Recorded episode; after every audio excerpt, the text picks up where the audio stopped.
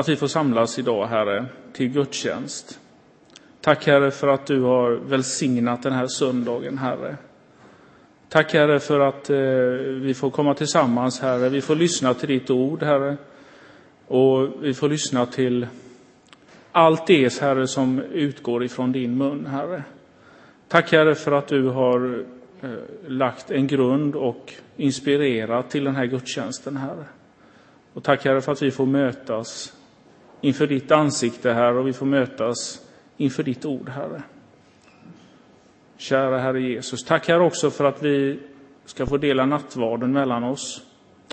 Eh, för att komma ihåg, Herre, vad du har gått igenom, Herre, men också vad du betyder för oss.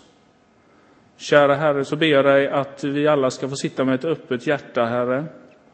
Eh, att, eh, att vi är mottagliga, Herre, för, för ditt ord, Herre. Eh, och det som förmedlas här, här idag i gudstjänsten genom både sång och ord, Herre, och nattvard. Eh, att vi får ta emot det, Herre. Och att det får rota sig i våra hjärtan, Herre. Jesus Kristus. Amen. Och som sagt, vi kommer dela nattvard också eh, mot slutet av gudstjänsten. Eh, nu skulle jag vilja som en liten inledning eh, läsa ifrån, som en del av temat eh, Guds barn, så skulle jag vilja läsa tillsammans med er Andra Timoteusbrevet kapitel 3 och verserna 14 och 15.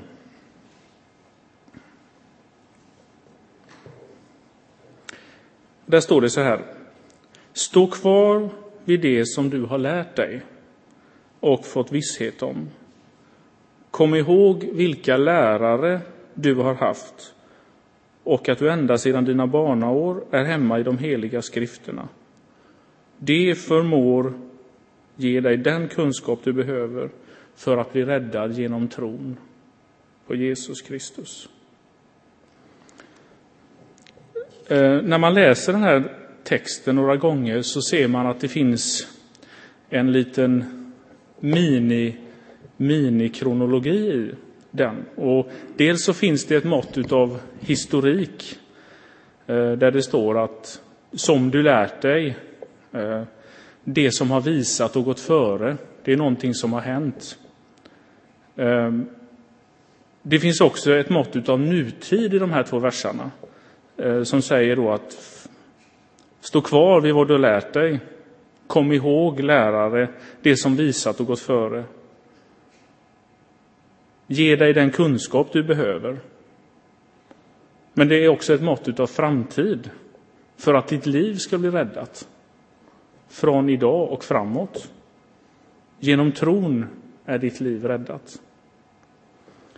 Och då kanske någon av er tänker så här, men, men jag är ju inte så gammal i min tro. Jag har ju inte upplevt det där barnaåren eh, som så många pratar om. Men då är det ju så med den kristna tron att man kan ju faktiskt få vara barn som vuxen och börja här och nu att forma sitt liv och ta kunskap och få kunskap i Guds ord för att skapa en plattform.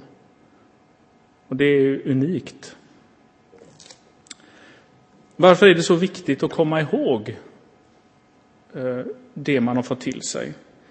Eh, det är ju ur Timoteus brev och eh, på samma sätt som när Timoteus verkade så finns det idag både eh, falska budskap och falska läror. Men det finns också falska talare som faktiskt vill att vi som kristna ska komma lite snett.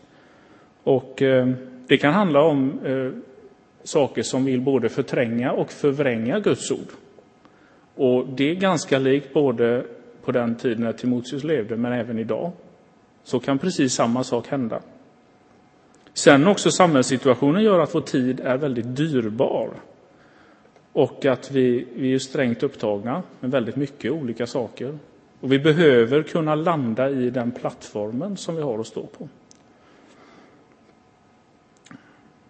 Kom ihåg att vi bygger vår tro på de sanningar som vi har lärt oss. Ja, Och det är ju faktiskt så med, med de sanningarna som finns i Guds ord, de håller. De är för evigt.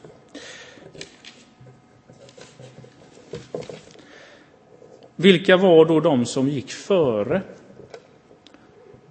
Eh, självklart Jesus. Han gick ju allra först. Men sen, sen hade vi faktiskt Timoteus som gick före. Det var faktiskt så att Timoteus var en av de första kristna i den andra generationen kristna efter Jesus. Och eh, det beskrivs att eh, Timoteus fick undervisning utav både Paulus, som han reste tillsammans med, men också utav sina, sin mormor, omtalas, och sin mormor.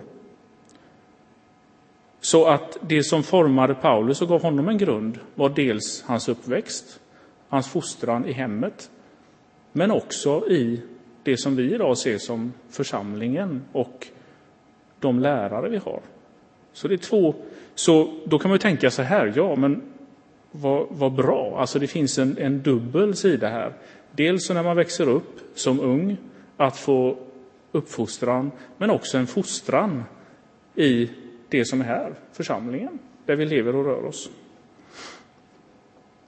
Eh, som sagt, evangelistens roll, eh, församlingens roll, den som förkunnar Guds ord, men också uppfostran är viktig. Undervisning och vägledning är viktig både i familjen och församlingen. Och Jesus säger gång på gång, låt barnen komma till mig. Och det är också den plattformen som vi har fått och det är inte för sent. Den plattformen går att skapa som vuxen. Men det är också den som vi får återkomma till. Plattformen som vi fått för våra liv, eller kan få, håller för evigt. Det får vara inledningen. Vi kommer att höra mer om, om eh, detta på, på temat Guds barn. Men lite historik, nutid och bygga för framtiden. Och vi kan bygga för framtiden och vi bygger för framtiden här idag. Från Markus 10. Folk kom till honom med barn för att han skulle röra vid dem. Men lärjungarna visade bort det. När Jesus såg det blev han förargad och sa Låt barnen komma hit till mig och hindra dem inte. Guds rike tillhör sådana som det. Låt barnen komma hit till mig och hindra inte. Guds rike tillhör sådana som det. Sannerligen, den som inte tar emot Guds rike som är barn kommer aldrig dit in. Och han tog dem i famnen, la händerna på dem och välsignade dem.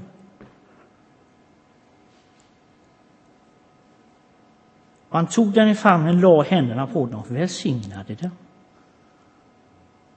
Det är ganska eh, intressant. ja.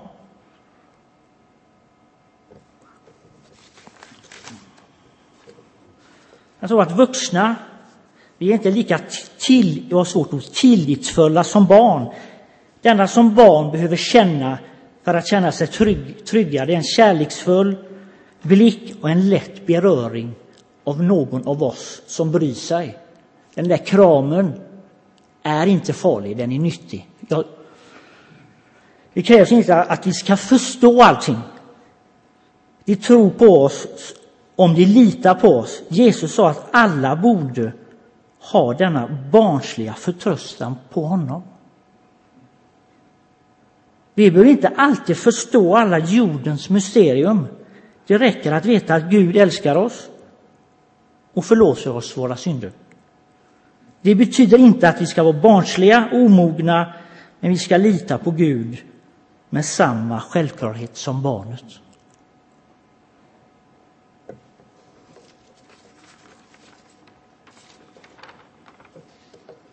Så att Gud vill säga till oss att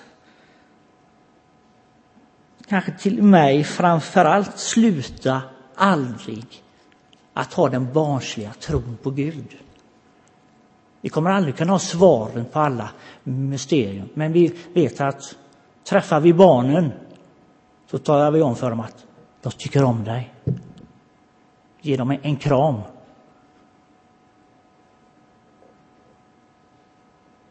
Innan jag avslutar så ska jag ta några sådana här... Äh, förr fanns ju någonting som hette Dekalmissionen. Då satt det på bilar så här längst bort, så här dekaler. Det stod typ Be så får du se. Jesus lever. Det var länge sedan jag såg en bil med någonting sånt. Har vi glömt bort liksom Jesus lever 2012? Det är två dagar kvar. Kom in på ett nytt 2013. Be så får du se. Jesus lever. Sen har jag ett myntat uttryck faktiskt som Anders och jag skapade här för många år sedan. Jag tror att vi var på väg upp på någon resa någonstans. Och ni, får, ni får ta det för vad det är. Men det är Jesus kommer. Kommer du? Jesus kommer. Kommer du? Guds frid, alla Guds barn, som vi är allihop. Den gammaltestamentliga texten för idag hämtar vi från Andra Mosebok, första kapitel. Jag vill bara ge lite bakgrund. tror att eh, händelsen är kanske känd för de flesta av oss. Men ändå så är eh, israeliterna, judarna, de är eh, invandrare i Egypten när denna händelse utspelar sig. De kallas för hebreer i texten, som ni vet.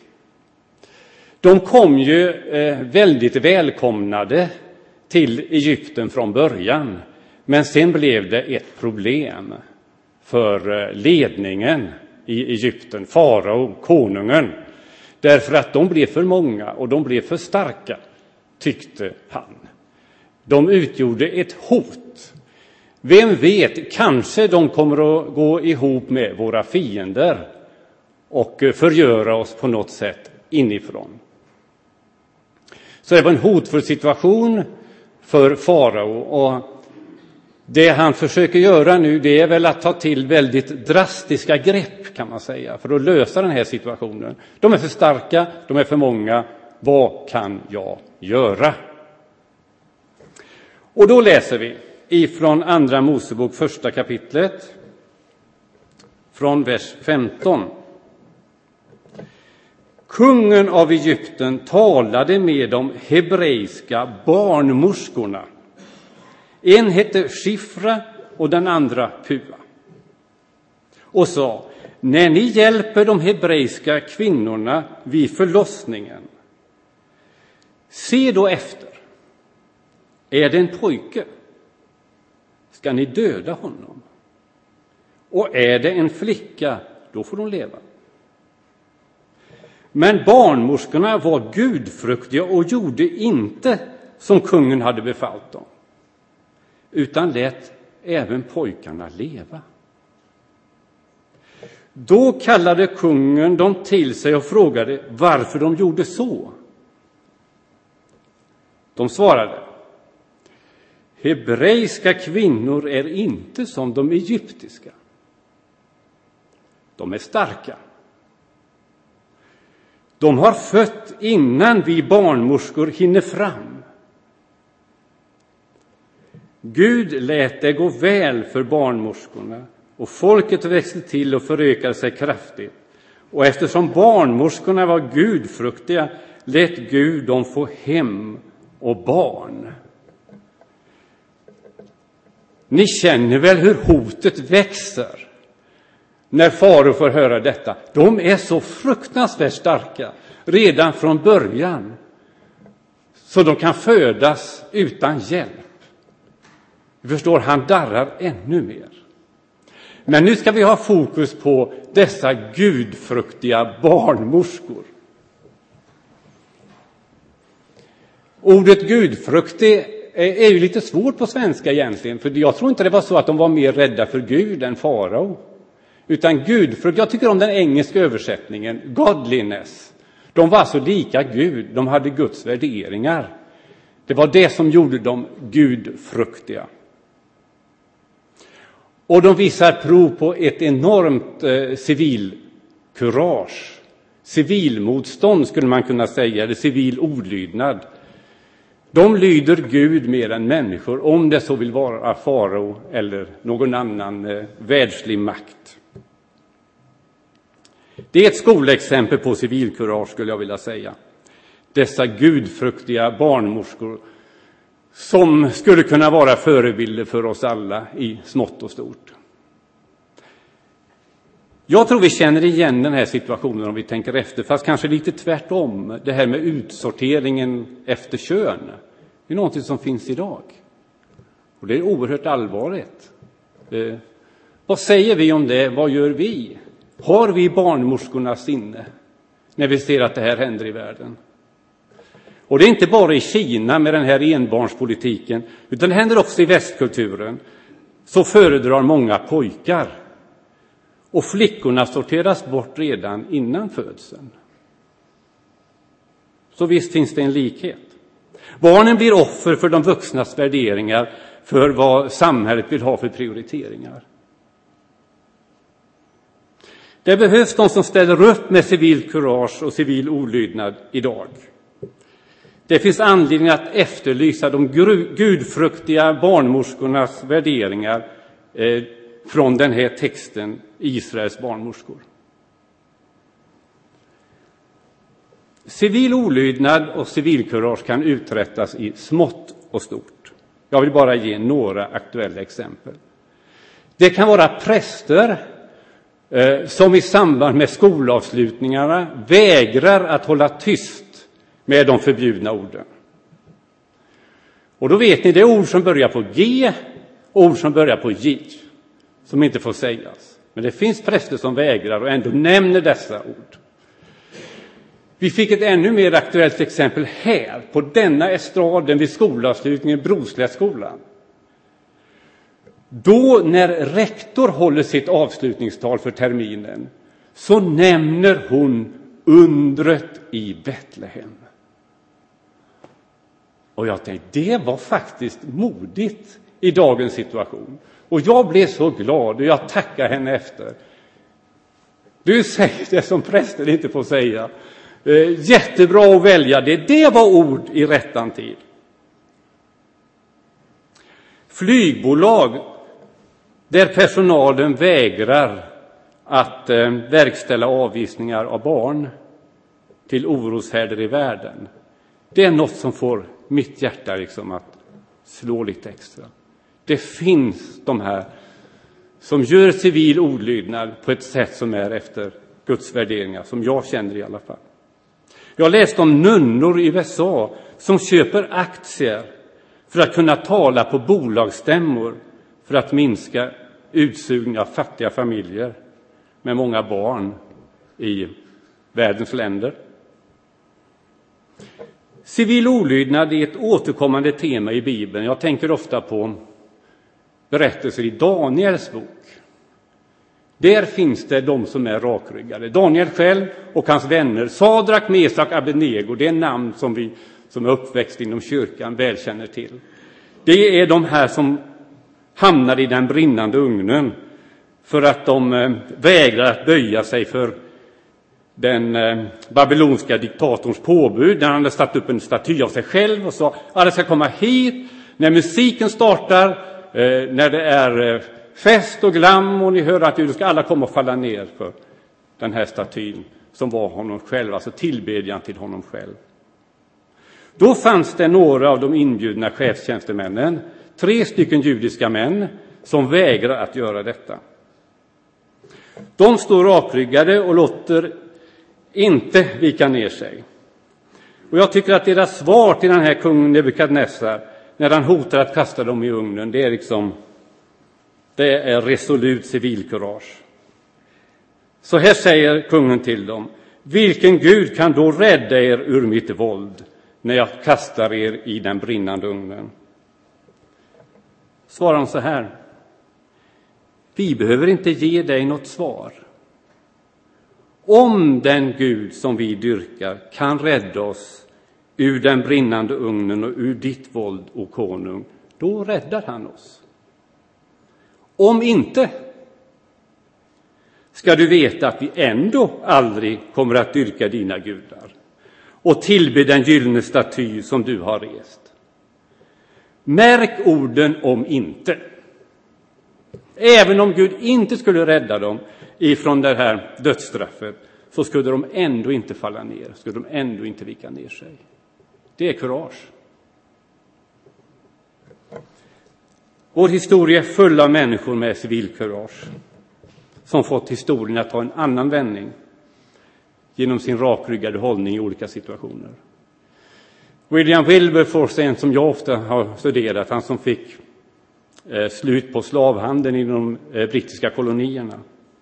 Martin Luther King känner vi alla till och Nelson Mandela. Listan kan göras lång, är klart. Det är människor som har gjort världen till en bättre plats att leva på för jordens barn, för Guds barn. Moder Teresa, Dag Hammarskjöld, Raoul Wallenberg, Ingrid Segerstedt Wiberg, för att nämna några svenskar.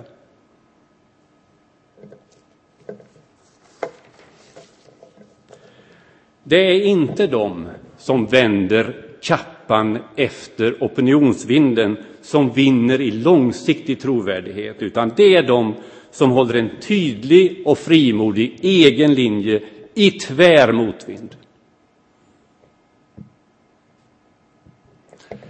Namnen på de flesta präster under Nazityskland har fallit i glömska, men inte Martin Niemöller, som 1955 skrev den här dikten. I Tyskland hämtade de först kommunisterna. Och jag protesterade inte, för jag var ju inte kommunist.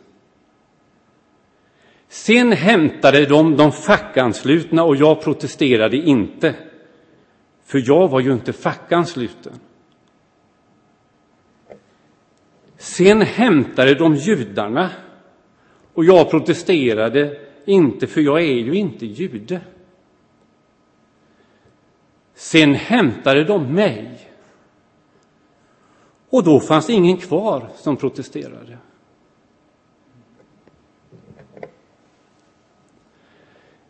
Denne Niemöller grundade 1931 Bekännelsekyrkan i Tyskland. Det var en evangelisk protestorganisation mot Nazityskland. Han arresterades och fördes till koncentrationslägret Dachau och blev kvar där i sju år tills befrielsen kom 1945. Om ni inte redan kände till den. Den här dikten är väldigt berömd. Ha, hur är det då för oss? Då gäller det att göra det lilla vi kan i olika situationer vi möter. För världens barn, för Guds barn. Stå upp i civilt kurage. Tänd ett ljus och låt det brinna. Låt aldrig hoppet försvinna. Det är mörkt nu, men det blir ljusare igen. Tänd ett ljus för allt du tror på. För den här planeten vi bor på. Tänd ett ljus för jordens barn.